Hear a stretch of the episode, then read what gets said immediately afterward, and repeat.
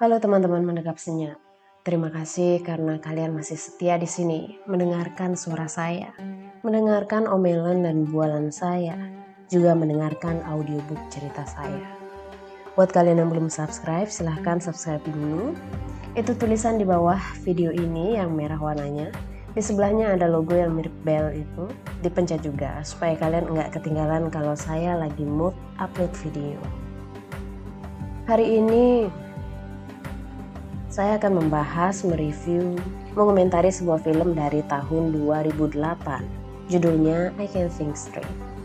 Buat kalian yang sudah frustasi banget mau cari film LGBT di Google Search Engine dan film ini selalu muncul di suggestion, tapi kalian ragu buat nonton karena posternya kurang menyentuh, kurang erotis, kurang cantik, hmm, kalian salah besar.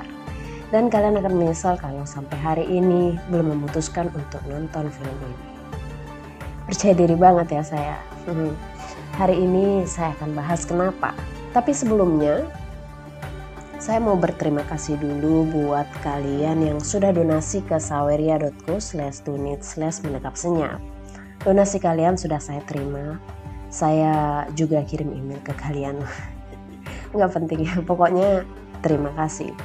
Saya memang sedang mengumpulkan dana untuk ikut lomba menulis novel di sebuah institusi di Jakarta dan persyaratannya itu adalah mengumpulkan hard copy.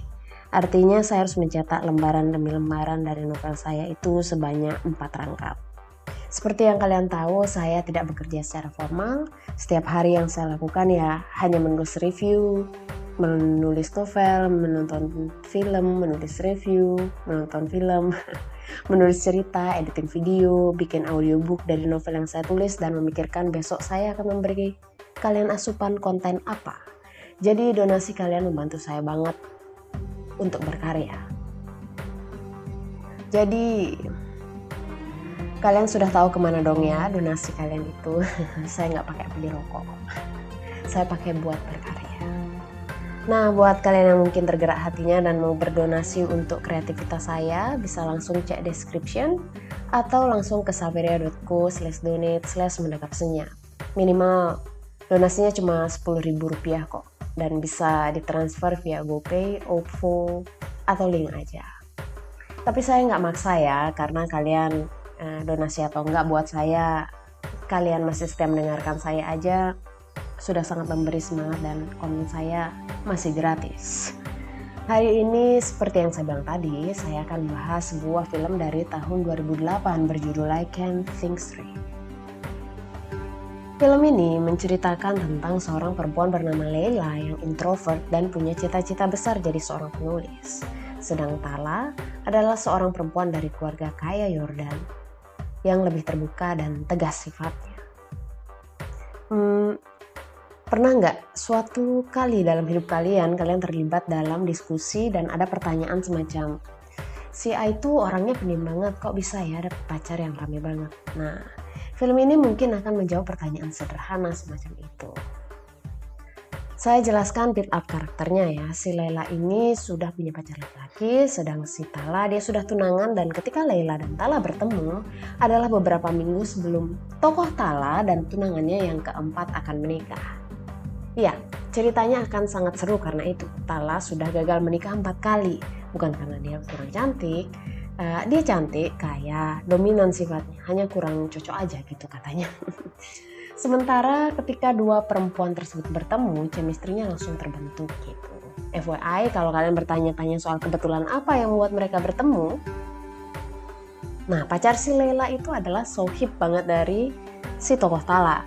Dan sudah lama banget kayaknya mereka nggak ketemu karena Tala tinggal di kota yang berbeda. Jadi pada saat akan mengurus pernikahannya, uh, pacarnya Leila ini ngajak Tala ketemu. Nah, di sanalah Tala dan tokoh Leila, Leila, tokoh Leila bertemu. Udah, sekian aja. Sisanya tolong nonton sendiri, jangan males, saya nggak mau ngasih spoiler. Saya nggak akan menunda lagi untuk membahas elemen filmnya ya. Ingat, review saya adalah pendapat subjektif saya, jadi um, di mana pendapat tersebut pasti tidak lepas dari kehidupan dan pengalaman pribadi saya.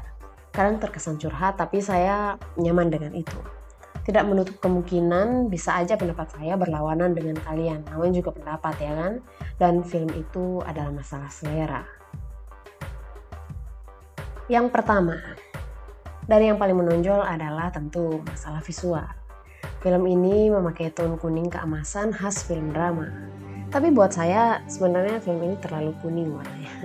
terlalu coklat, dia agak goldy, coklat, terlalu coklat. Dan setelah jalan 10 menit menonton, saya baru sadar bahwa tone dengan warna ini sering saya dapatkan di film-film dengan latar belakang ketimuran, kayak film Timur Tengah, uh, India, Yordania, Mesir, dan sebagainya. Nah, dan ternyata benar, walaupun rumah produksinya ada di London, tapi baik sutradaranya dan semua pemainnya merupakan orang-orang dari daerah campuran jadi jangan aneh kalau dialog masing-masing tokoh memiliki aksen uh, ketimuran yang kental. Not to mention bahwa sutradaranya juga berada campuran, seorang perempuan, seorang LGBT, dan film I Can't Think Straight ini diangkat dari novelnya sendiri dengan judul yang sama. Dan sudah menang banyak sekali penghargaan.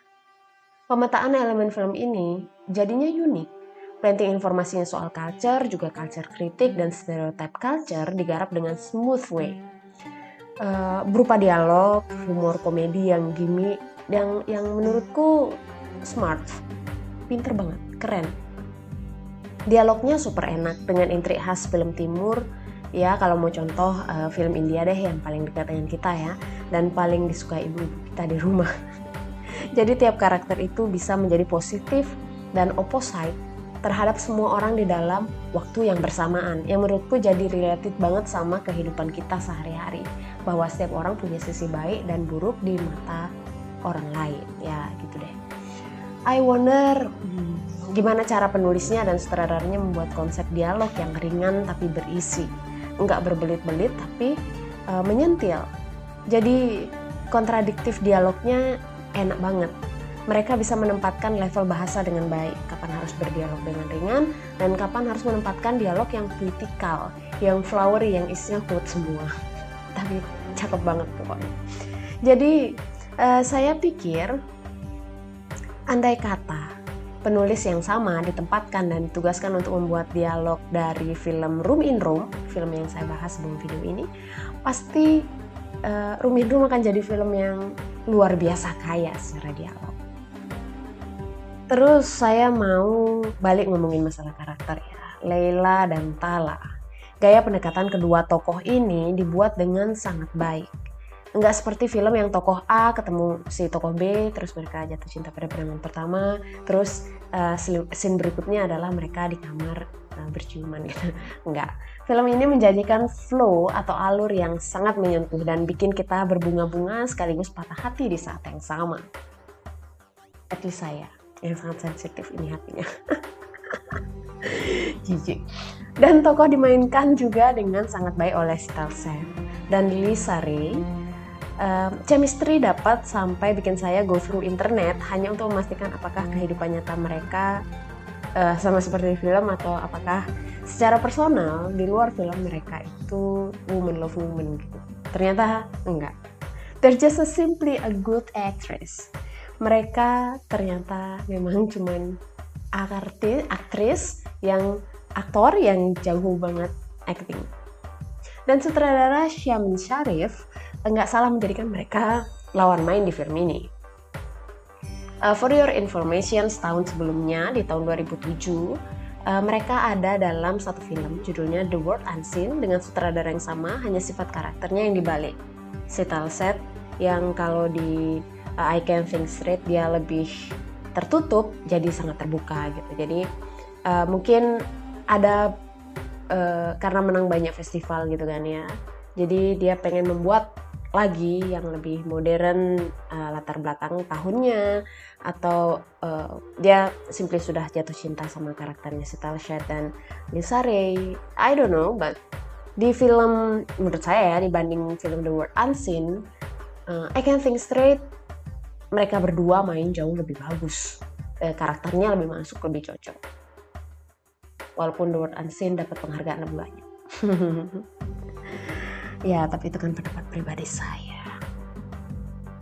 Tentu alur film ini juga nggak lepas dari tata musik atau musik latar ya kan? In my opinion Musik pengantar atau musik latar di film ini, oh, so beautiful. Indah sekali. Sampai saya bingung mau jelasinnya seperti apa.